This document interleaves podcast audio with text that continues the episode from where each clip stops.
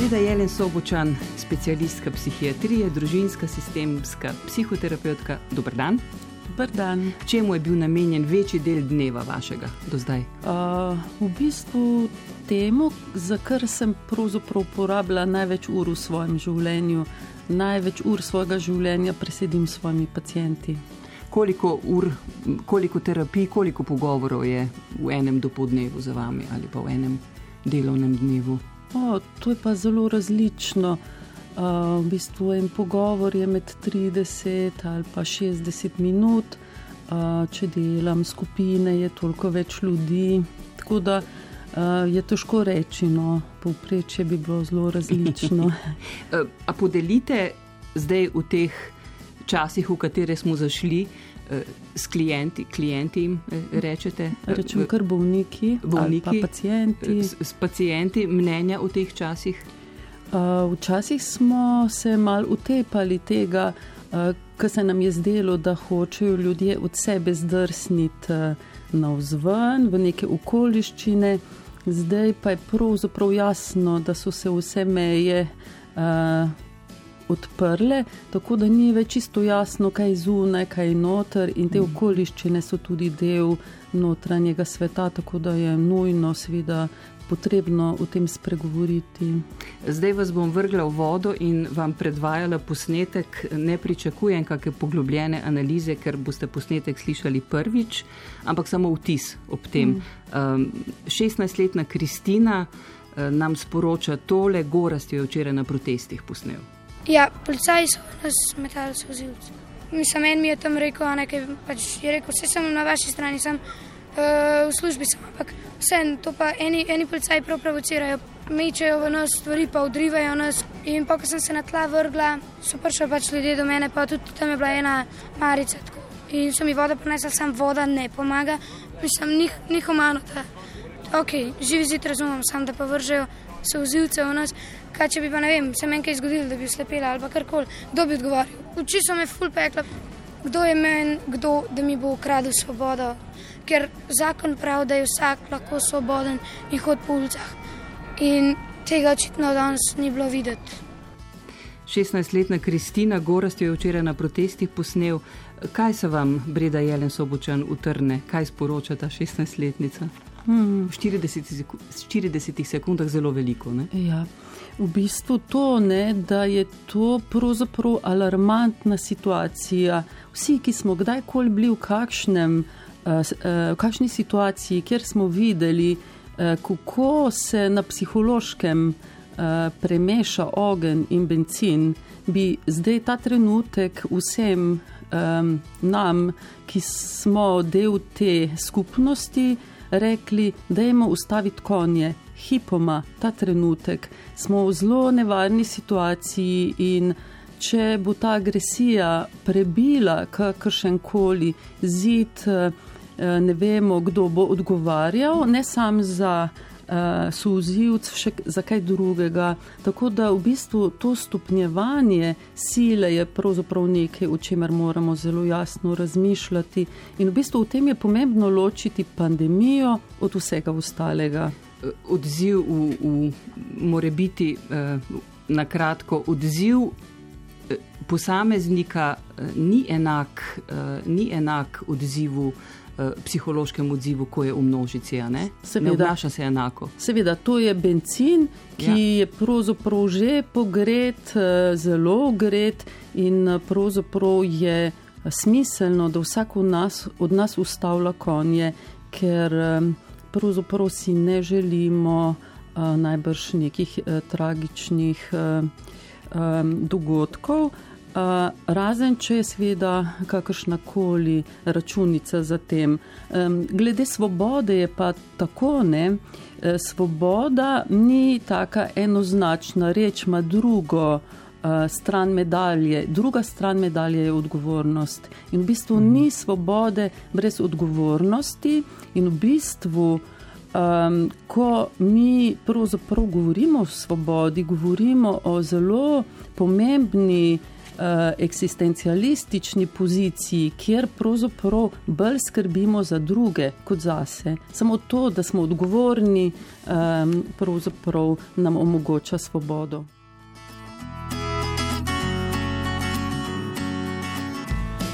Psihiatrinja in družinska sistemska psihoterapeutka je danes z nami Breda Jelen Sobočan. A pogoste berete ali pišete poezijo? Um, oboje, oboje. Uh, be, s tem, da je brati mnogo lažje, ker um, knjige te čakajo, uh, pesem, če slučajno to je, uh, pa mora priti, jo moš pa počakati. Gre pa najbrž pri pisanju vendarle um, za, bi rekla, lažje prepoznavanje svojih čustev in, in njihovo artikuliranje. Ne? Um, Ali pri, ne, ni nujno? Pri po, poeziji se meni zdi, da je v bistvu tisti vzgib, uh, ki hoče neko artikulacijo tistega, kar je težko povedati, ali kar ni povedano, ali kar ni upovedljivo. In v bistvu rabiš najti neko kombinacijo besed, ki sicer, se sicer uporabljajo uh, v, drugačne, uh, v drugačnem kontekstu, da bi povedali to, kar pravzaprav uh, izhaja iz nečesa tako globoko, kot so naši občutki in naše misli ali neka človekova izkušnja, tvoja ali od drugih. Zanimivo je, da se pravzaprav. Um pravočasnemu prepoznavanju svojih čustev nekako raje ne posvečamo, ne? ampak je, je, je nujno. Ne? V bistvu je to naše življenje, ja. da lahko razumemo svoj notranji svet, svoje občutke, svoje čustva, ki nam seveda dajo zelo natančno informacijo, kakšen je svet, v katerega smo postavljeni in kakšna je naša pozicija v njem, kako se to veže z našo preteklostjo, tudi tisto, ki je globoko skrita v našem nezavednem in seveda kakšen, kakšne motive, cilje, vizije daje to za prihodnost. Tako da misliti čustva, ne jih samo odreagirati, je pravzaprav tako darilo za našo.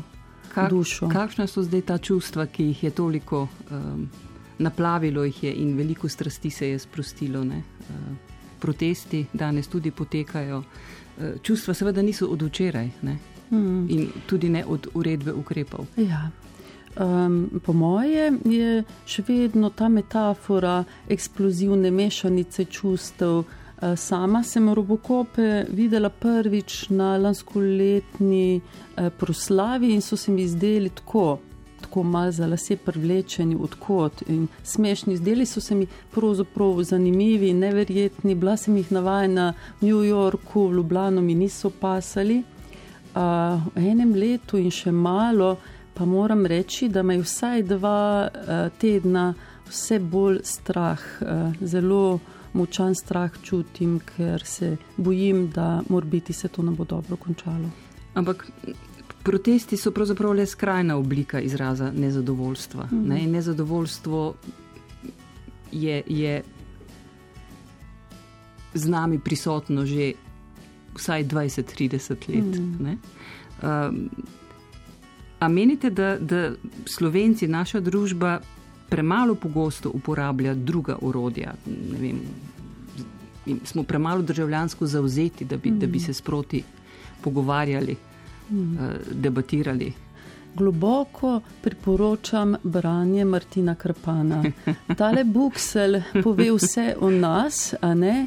In v bistvu, ko si mi domišljamo, kako nategnemo vse okrog sebe, in zdaj se dogaja, da je eh, cesarski dvor tukaj in brdavsa imamo, in v bistvu posekali smo lipo, eh, pod katero se zbira um, se zbira pravzaprav kraljica in dvor, se pravi najbrž kultura, a ne tako, da nam vse pove o tem, kako robustno eh, pravzaprav se nam zdi fino ribariti v kalnem. No, tako, mogoče je to en del obraza.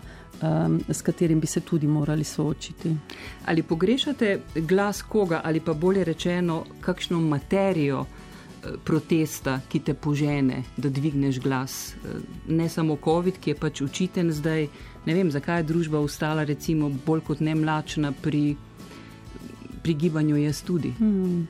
Um, to, to pove Martin Krpan zelo hmm. zanimivo in zelo na dolgo. Te ženske so res problem.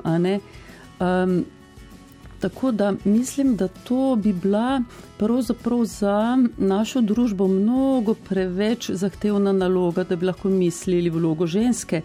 Zdi se mi, recimo, ne, kar jaz v ambulanti slišim in je pretresljivo, ne, glasovi pacijentov, ki ne morejo priti do zdravstva, do zdravnikov, do specialistov, čakalne dobe, pa mi že vendarle iz časov, ko smo živeli v času debelih krav, nismo povečali. Ne mreže, eh, nimamo niti mreže eh, zdravnikov postavljenih, nismo eh, pravzaprav niti izobrazili in zaposlovali sester. Izobrazili smo zdravnike in jih izvozili v Avstrijo in še kam drugam.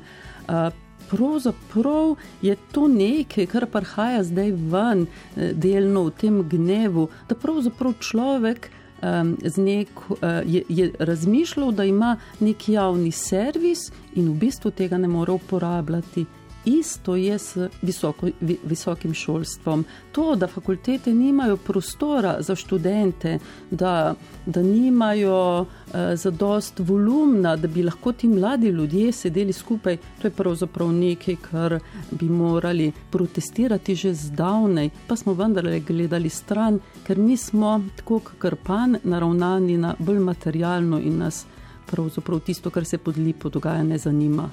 Breda Jelen Sobočan je sopotnica na valu 202. Breda Jelen Sobočan, specialistka psihiatrije, družinska, sistemska, psihoterapeutka. Vaši klienti so tudi pari. Tudi. Zdaj, iz več kot 25 let izkušenj, um, najbrž, najbrž lahko poveste, uh, je teže priti uh, parom kot posameznikom. No, zdaj sem zakomplicirala. Ja. Zelo preprosto, zelo smiselno vprašanje in ja, res je. Pa, uh, par pride takrat, ko je pravzaprav uporabil že vse druge metode, mehanizme, vse na svete, da bi se rešil iz anke, v kateri je in v bistvu iti k nekemu tujcu, se pogovarjati o sebi, pravzaprav največja. Uh, um, tako največji pogum, no, ko ga neki par zmore. Za terapeuta pa je ta terapija taka, ja. kot da se pelje s helikopterjem. Najprej se mi je zdelo, oprostite, da, da zna biti olajšano delo, in potem sem razmišljala, ja. da sploh ne. ne. Ja. Nekako je treba ja. oba ja. Ja. ta dva otoka. Ja. Prepoznati in, mm. in razumeti, ne? Mm -hmm. nekako jih morate razumeti, ja. da lahko ja. stopite. Tako kot da s helikopterjem pelješ čez hurikan, tako pa bližnjo te premetava. Je pa seveda ena velika prednost, da v bistvu smo v ordinaciji štirje, a ne je, te, je, je mož, je žena, je terapeut in je par. In v mhm. bistvu sem jaz terapeutka para in, in držim s parom. Karkoli že s tem parom je, in eh, je v bistvu sta mož in žena samo nekdo, ki mora za ta par skrbeti, ali pa ne, ali pa mora zelo jasno povedati, da ta par mene ne zanima več.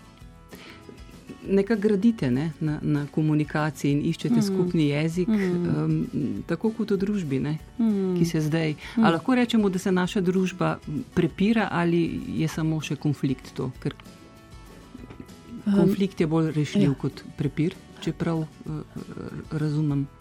Um, jaz mislim, da sploh ne gre več za vsebino, no? da je v bistvu to zdaj že bitka, tako simetrična bitka za premoč, da v bistvu sploh več ne vemo, kaj je naš problem, kaj bi hoteli rešiti. Uh, kaj so naše pritožbe, kaj so naše potrebe, ampak je pravzaprav zdaj samo še en taka plazivska bitka, ker če gledaš krokodile, ki se v nekem a, bazenu. Prav do smrti pobijajo. Tako da, če jaz v paru samo delček tega vidim, pravzaprav se mi zdi, da, da, da je treba ustavljati to simetrijo, vse narediti za to, da se to ustavi, da ljudje vidijo, kako je to škodljivo za vsakega od njiju, za njune otroke, za vse sisteme, v katere prihajata. Težko je najbrž najti skupni jezik, če si.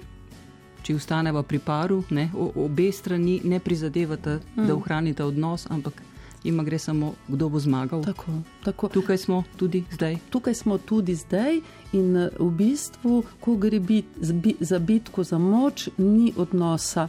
In v družbi, eh, zdaj, če razmišljamo, ne, kako so neki kompleksni sistemi. Uh, Potrebujejo ogromno energije, da se skupaj držijo, da ostajajo kompleksni. V organizmu to, kar gre, ima biokemične vezi, uh, paru gre zato, ker ima ljubezen, skupne otroke, skupno hišo, seksualnost, kar koli že, kar jo skupaj veže. V družbi je pa to kar huda reč, ne? kaj je tisto, kar nas veže. V bistvu bi kdo rekel jezik, ampak jezik je v teh časih lahko kar problem, če nas bo vezal samo jezik. Nekoč je bil to svet delavcev in te tovarne se je v prvi rundi prodalo in v bistvu lojalnosti ni več. Potem je prišlo obdobje ZUIFA in smo vse denar iz drugih infrastruktur potisnili v banke, ki so hopce fizel, šle pravzaprav obrobnim državam mi smo pa pravzaprav ena majhna država in samo Ljubljana ni obrobna, vse ostale pokrajine so na robu sosedov, ki na nek način posegajo v našo skupnost in se sprašujem, a se bo zdaj potiho prodala zemlja. In jaz sem hči kulakov in vem, da se zemlja ne prodaja.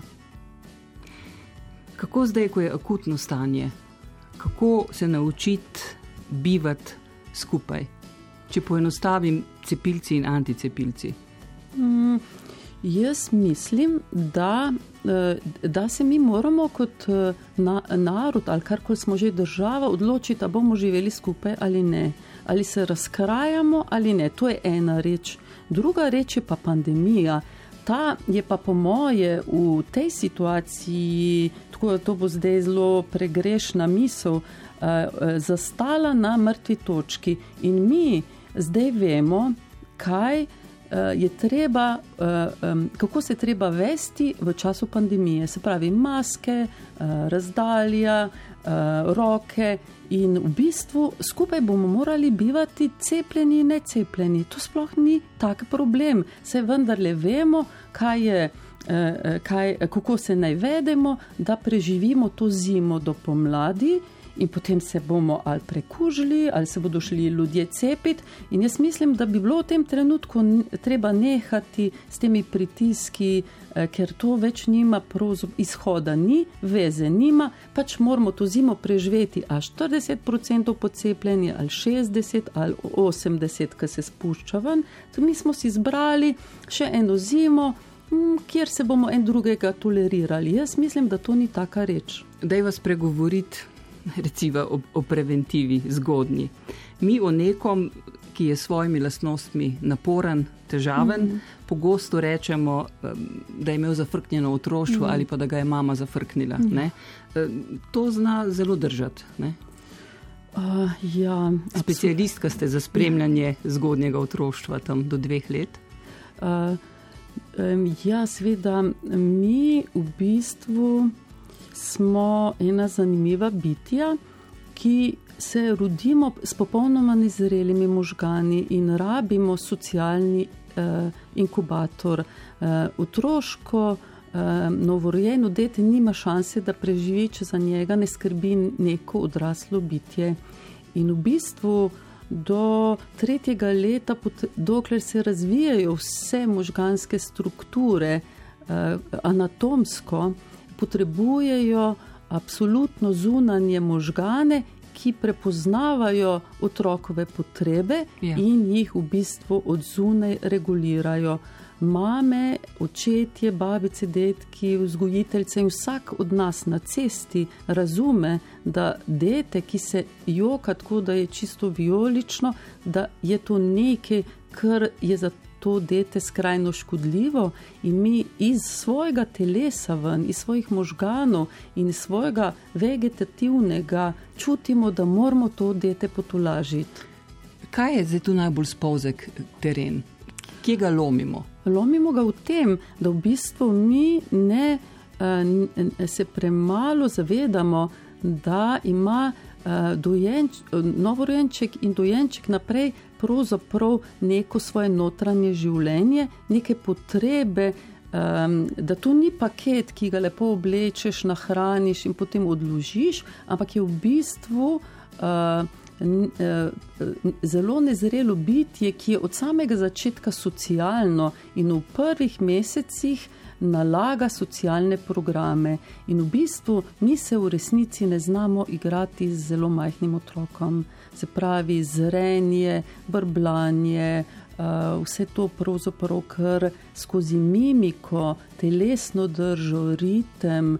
Um, uh, neke afekte, ki jih otroku kažemo, pravzaprav pri njem, vzpostavljamo abecedo tega, kako bo on bral Eh, druga telesa skozi te svoje socialne možgane. In to vam, kot uh, psihoterapevtki, psihiatrini, v resnici pomaga pri razumevanju nekaterih ravnanj človeka.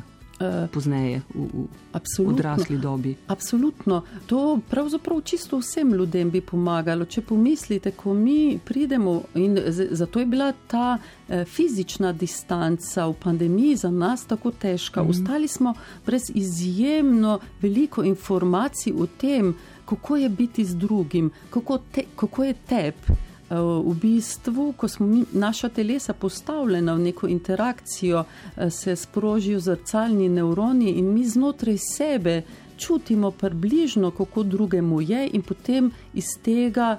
In vemo pravzaprav z eh, nekim drugim delom možganov, da je to njegovo stanje, in tako lahko pravzaprav smo na en način združeni, in po drugi strani ločeni, in čez to pravzaprav lahko zelo dobro peljemo komunikacijo, brez da bi vedeli, um, da to počnemo. Prvi dve leti življenja se to naučimo. Brida Jelen Sobočan, na valu 202.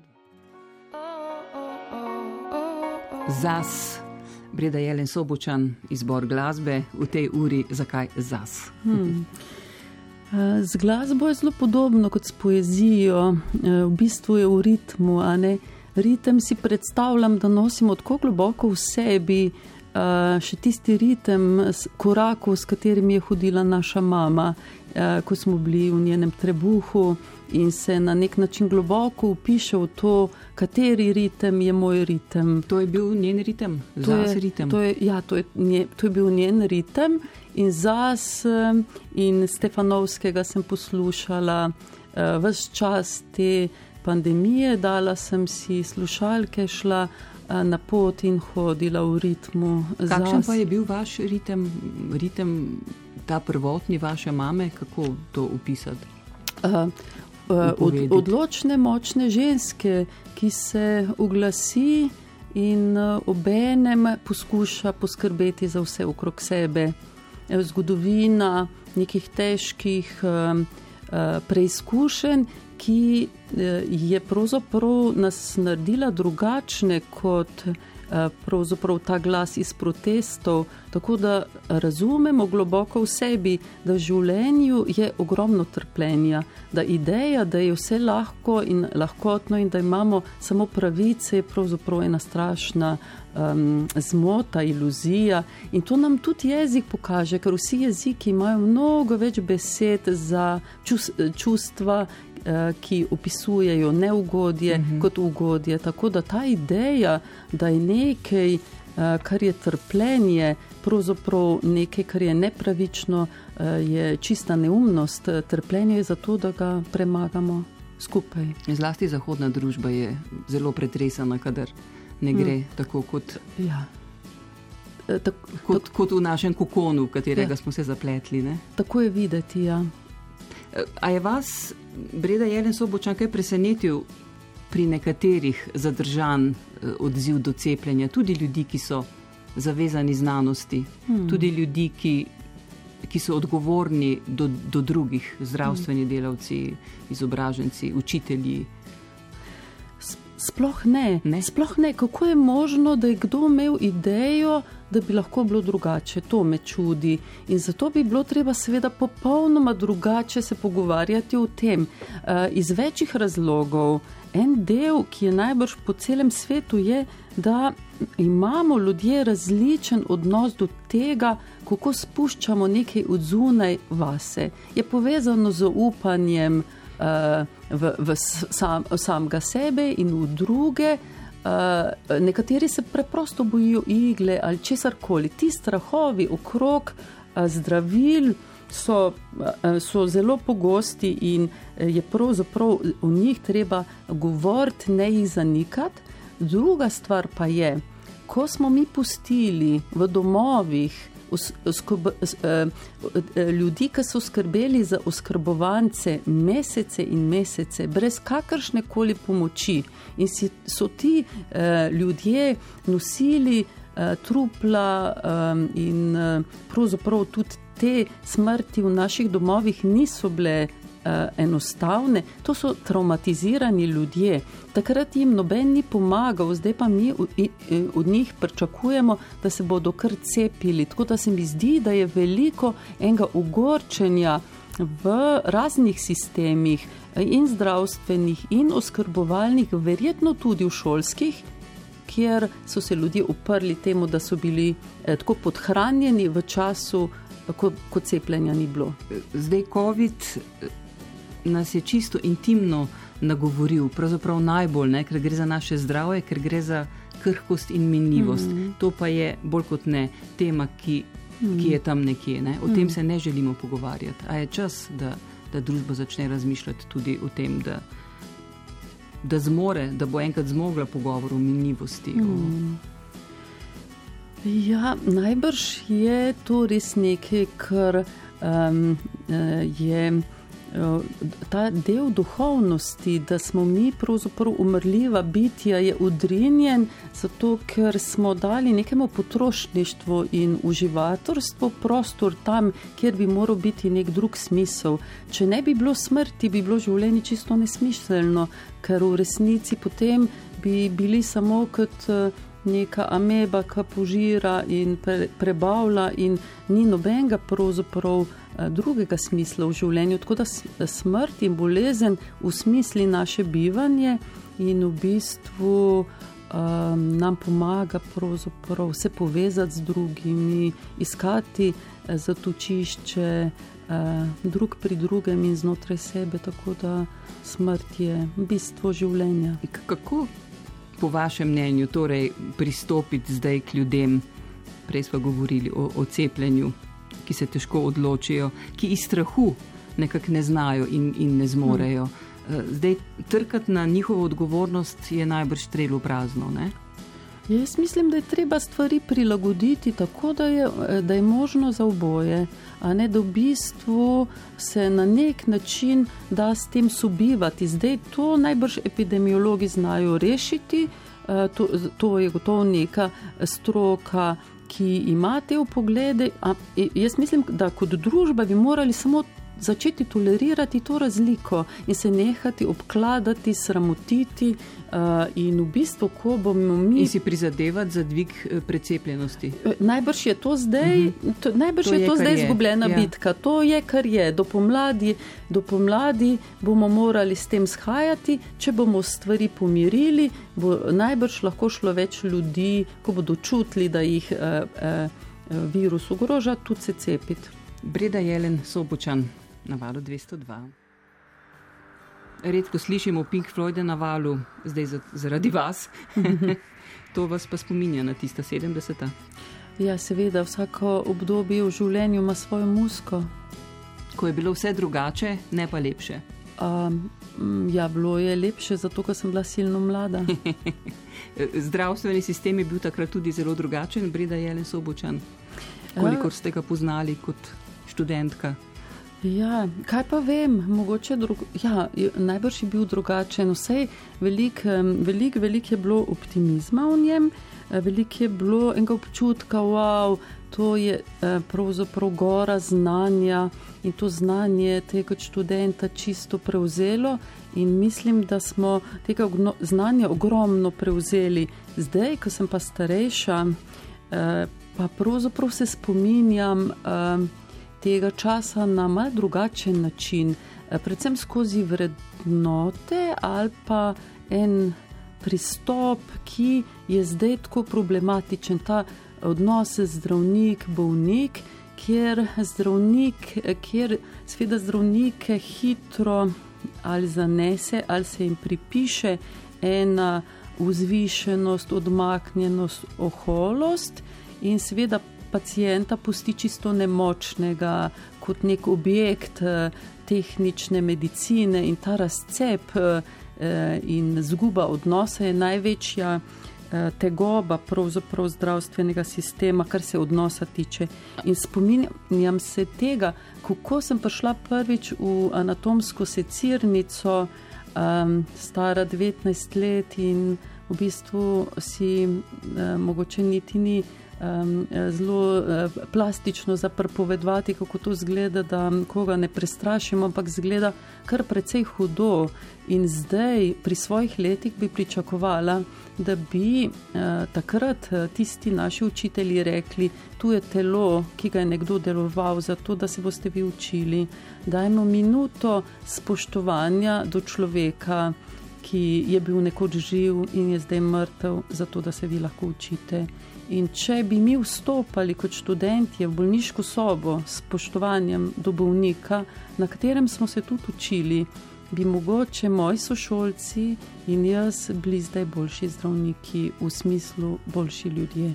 Čeprav eh, ne oporekam izjemnega znanja, izjemne požrtvovalnosti, izjemnega truda, eh, ne bi hotela užaliti eh, svojih kolegov, ampak razmišljam, da mi vsi pravzaprav smo se učili in delujemo v robatem sistemu, ki pušča prazne nas, eh, pacijente pa tudi. Se strinjate, da so si zdravstveni delavci, zlasti zdravniki, komaj da pred kratkim začeli nekako dvigovati znova ugled in zaupanje, ki je bilo pred leti omajano tudi zaradi zdravstvene politike, seveda ne. Zdaj ta situacija. Eh, bi jim pravzaprav morala prinesti več zaupanja zdravnikom, zdravniški stroki. Pa se bojim, da jim ni uprit. Se vam zdi, da so dovolj artikulirani in enotni v, v, v, v teh COVID izrednih razmerah, za nastopi v javnosti? Hmm. Ja, jaz mislim, da je največja, uh, najve, največja večina pravzaprav moči in uh, pravzaprav se. Eh, prebija iz dneva v dan skozi uh, zelo podhranjene sisteme. In je to nekaj, kar je daleč od oči ljudi. Ljudje vidijo prazne uh, čakalnice, mm -hmm. prazne ambulante, telefone, ki jih ne dvigamo. Uh, V bistvu pomoči, ki jim je ne damo, specializante, ki se Eh, pravzaprav trudijo in trudijo um, specialiste, ki komaj pravzaprav razna delovišča preskakujejo. Tako da jaz mislim, da se tu, da se tu pravzaprav dogaja ena huda. Uh, ena hud, hud nesporazum, da ljudje pravzaprav uh, ne morejo več niti um, sočustvovati, niti razumeti s tem, kako težko je v teh razmerah delati uh, z večino bolnikov. Uh, in smo pravzaprav um, ja, vsi ogromno zgubili. Mislim tudi s tem nezaupanjem v znanost, nezaupanjem v znanost mm. na, na, na ta del cikam, ne toliko kot na njihovo delo v izrednih razmerah že, že leto in pol. To, to pa je resor šolstva, ki bi se moral sedaj zamisliti.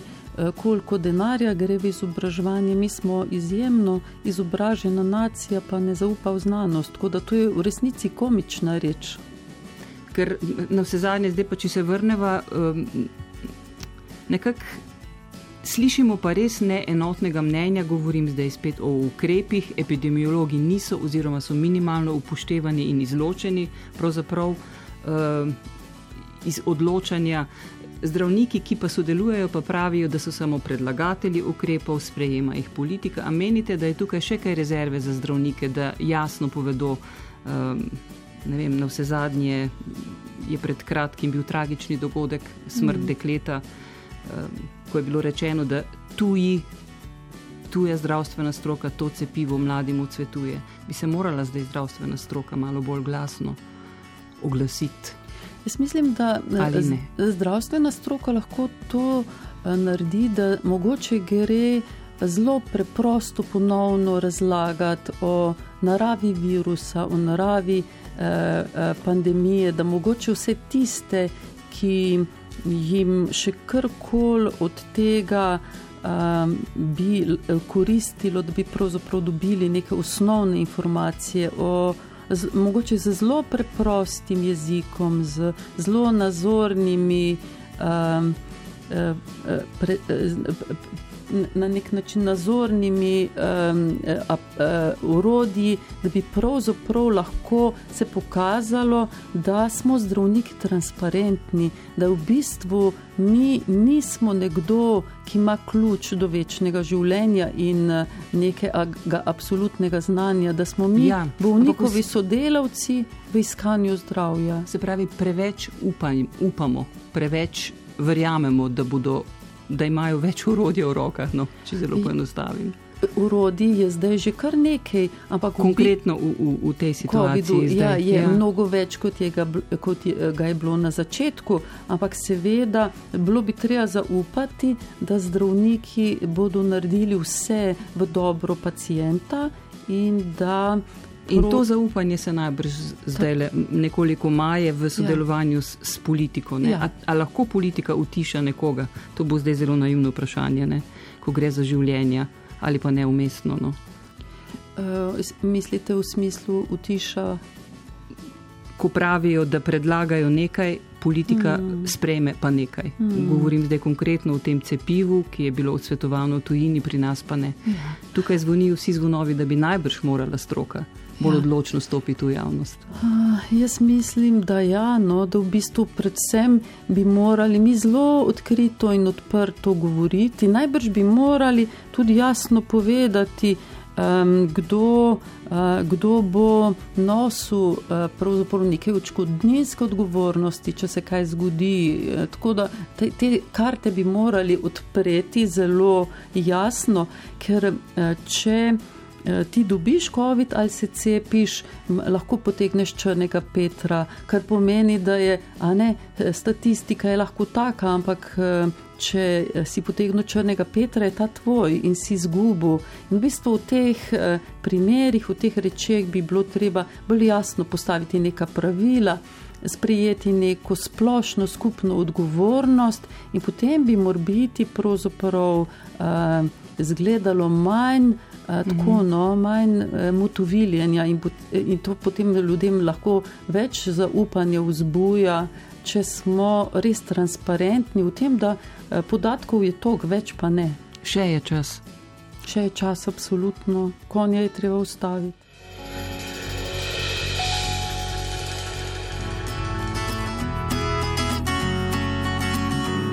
Breda Jelen Sobočan specialistka psihiatrije, niste iz Murske sobote? Nisem iz Murske sobote, eh, moževi predniki so iz Hotize. Nekaj mora biti ne, ja. pri, pri tem prijimku, vendarle. Vsi so iz Hotize. Vi pa iz bližine? Jaz sem pa iz bližine Ljutomera. Boreci? Boreci. Boreci. A, so znani po bučnem olju, boreci ali sem zdaj mimo? Ja? Tudi so, je. so. so? Ja. Mm -hmm. Kakšne spremembe so pred nami, pride Jelen Sobočan? Ja, najbrž smo v nekem smo že v njih. Ne? Smo že v njih, smo v nekem tranzicijskem času in tako kot pri osebnem zorenju ali zorenju družine, ne vemo, kam nas pre. Pripelje prehod, na prehodu je pa zelo težko. A menite, da se zavedamo, da pravzaprav še vedno lahko primemo in smo sami eh, in jih napeljamo v pravo smer te spremembe. To je absolutno vedno možno in uh, imamo seveda vsa urodja v rokah, samo uporabiti jih moramo. Katera tri? Uh, predvsem komunikacija, komunikacija, komunikacija. Kaj bomo pa s politiko? Uh, politika, Katerokoli. politika bi morala biti umetnost uh, načrtovanja in vizije. Se bojim, da naša politika že 30 let nima vizije. Tako da, podobno kot pri Martinu Krpanu, pravzaprav razmišljamo, kako bi um, se ukvarjali z nekimi takimi posli, nimamo pa ideje, kam gremo in kako bomo šli. Kaj vas čaka zdaj, ta večer? Mm, kamin. S knjigo. S knjigo. Hvala lepa, Breda Jelen Sobočen. Hvala za povabilo.